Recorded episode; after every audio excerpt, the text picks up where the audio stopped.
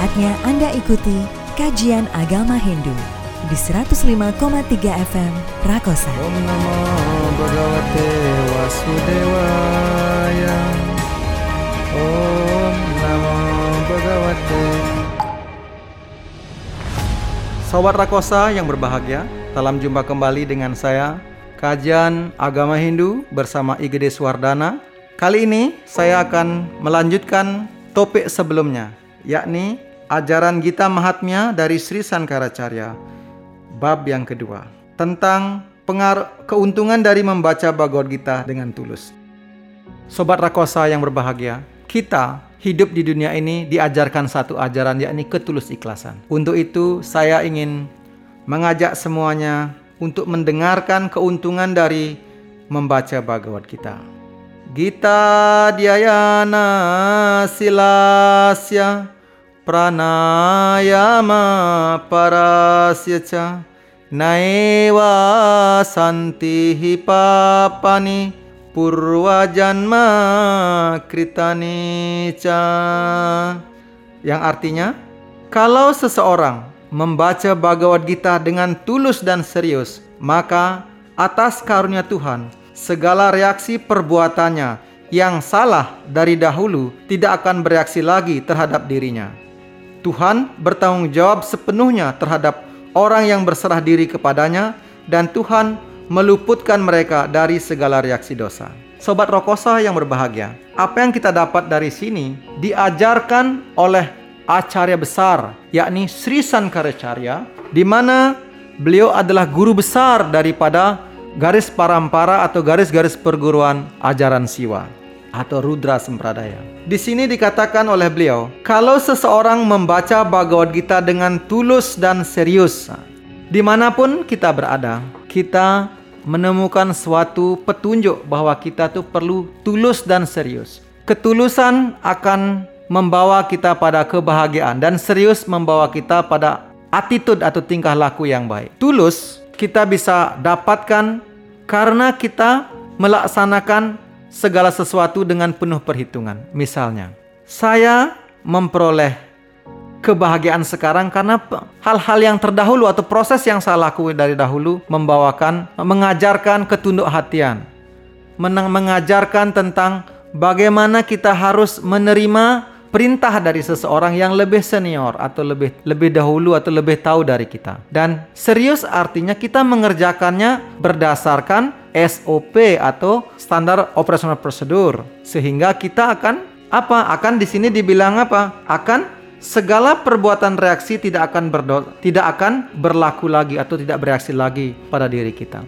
Dalam hidup ini, Tuhan memberikan kitab suci kepada kita khususnya Bhagavad Gita agar kita membacanya. Kita membacanya, berusaha memahami, terus kita praktekkan. Sehingga apa? Sehingga kita mencapai tujuan akhir dari kehidupan, yaitu kalau Hindu bilang moksa. Dalam Bhagavad Gita, yang merupakan percakapan antara Krishna dan Arjuna di medan perang Kuruksetra, berisi petunjuk-petunjuk bagaimana kita memperoleh kehidupan. Contohnya, dalam bab 1 diajarkan tentang bagaimana Arjuna kebingungan karena dia harus berhadapan dengan guru-gurunya, saudara-saudaranya, kakeknya, dari keluarga ibu dan lain sebagainya. Nah, di dalam Bhagavad Gita ini kita diajarkan bagaimana kita yang melaksanakan ajaran kerohanian atau menjalani kehidupan rohani pasti mengalami yang disebut dengan keraguan-raguan.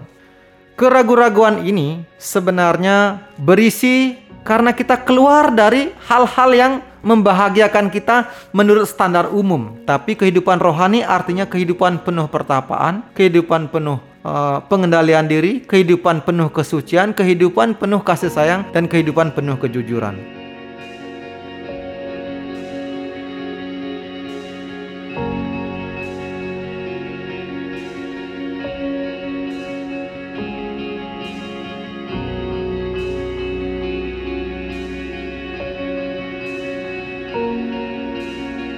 Secara umum dan secara khusus dinyatakan bahwa diri kita bukanlah badan ini. Makanya kita disuruh mempelajari rumus besar dalam bab satu ini. Apa rumus besarnya? Kita bahas satu persatu. Yakni daub. Kalau bahasa Inggrisnya daub itu artinya keraguan-raguan. Tapi daub yang kita bicarakan di sini adalah D itu adalah Duryodhana dan Dertarastra. Duryodhana dan Dertarastra adalah keluarga besar. So, Duryodhana adalah putra daripada seorang Maharaj, yakni Maharaj Dirtarastra, yang menguasai Hastinapura. Hastinapura atau disebut dengan Kuru memiliki tiga orang saudara, yakni Dirtarastra, Pandu, dan Widura. Tetapi Widura adalah putra daripada uh, dari ibu yang pembantu di sana atau atau boleh dibilang pelayan di istana kerajaan itu. Duryodhana adalah putra dari Dirtarastra. Tetapi Dirtarastra tidak berhak menjadi raja karena dia sudah cacat dari lahir. Dirtarastra buta sehingga Pandu yang naik tahta. Naik tahtanya Pandu yang memiliki lima orang putra membawa rasa cemburu atau iri atau keinginan untuk menguasai dari pihak Duryodhana. Duryodhana berusaha mendekati ayahnya agar dia bisa menjadi seorang raja atau mewarisi kerajaan besar itu.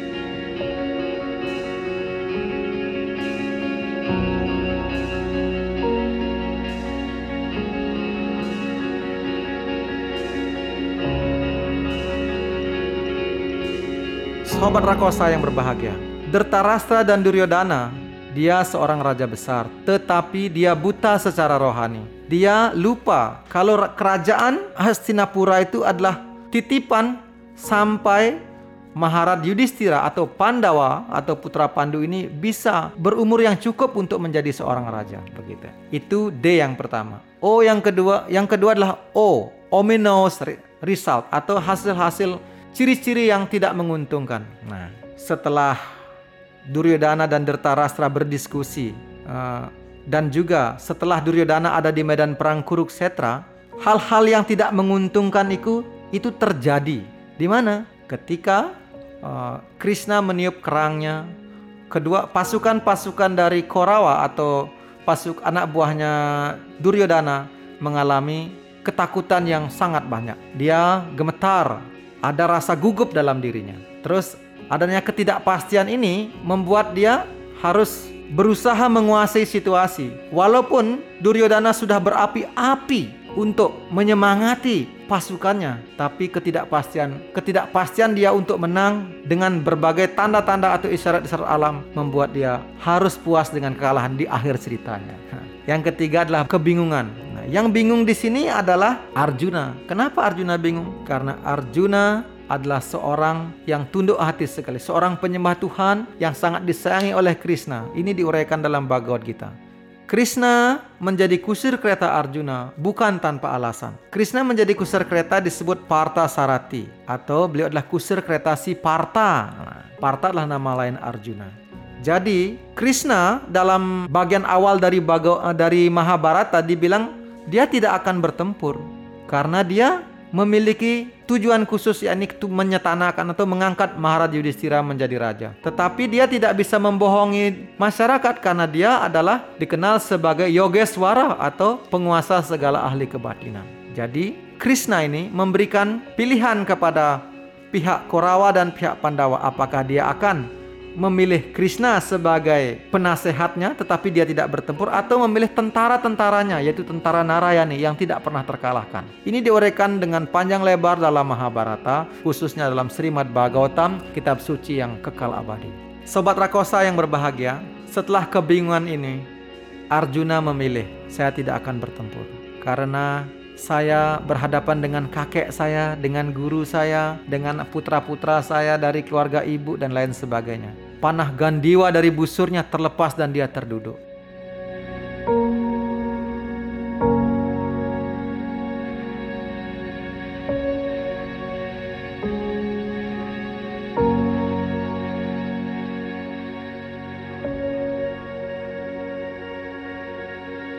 Sobat Rakosa yang berbahagia, yang terjadi berikutnya adalah titik balik daripada Arjuna. Arjuna diberikan masukan, diberikan nasihat oleh Krishna bagaimana dia harus melaksanakan tugas kewajibannya sebagai seorang kesatria, yakni apa? Bertempur, melindungi kerajaan, bukan melindungi diri sendiri. Kenapa dibilang melindungi diri sendiri? Karena Arjuna sudah putus asa. Arjuna ingin keluar dari situasi tersebut dan dia ingin bahkan dia lebih suka jadi pengemis dibilang. Karena apa? Efek dari perang dia sudah bayangkan, dia sudah tahu. Efek dari perang itu adalah banyaknya janda, anak-anak yang tidak terurus, mungkin kebudayaan atau tradisi yang akan hilang. Sobat Rakosa yang berbahagia, itulah yang terjadi bila kita tidak melaksanakan ajaran-ajaran Dharma dari dahulu. Ajaran Dharma diuraikan dalam kitab suci Bhagavad Gita secara khusus karena Bhagavad Gita berisi petunjuk-petunjuk hidup untuk kita bisa hidup bahagia. Dalam Bhagavad Gita berisi dengan jelas apakah kita melaksanakan karma, giana, atau bhakti yoga. Dan bagaimana kita harusnya bertindak terhadap orang tua, bagaimana kita harus bertindak terhadap orang muda, bagaimana kita mengendalikan pikiran, bagaimana meditasi itu, bagaimana ilmu pengetahuan itu diajarkan, semua ada di sana. Bhagavad Gita secara garis besar, kalau dipelajari dengan serius dan tulus ikhlas, benar kata Sri Sankaracarya. Beliau bilang, Tuhan akan bertanggung jawab penuh dan tidak ada reaksi dosa yang kita alami.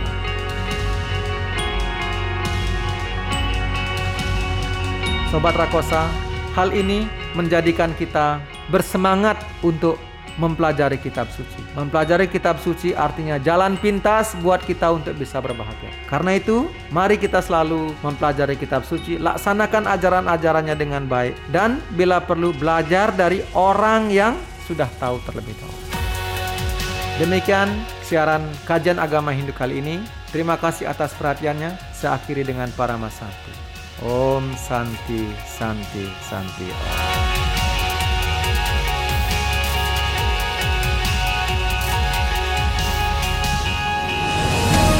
Terima kasih Anda sudah dengarkan kajian agama Hindu di Rakosa 105,3 FM.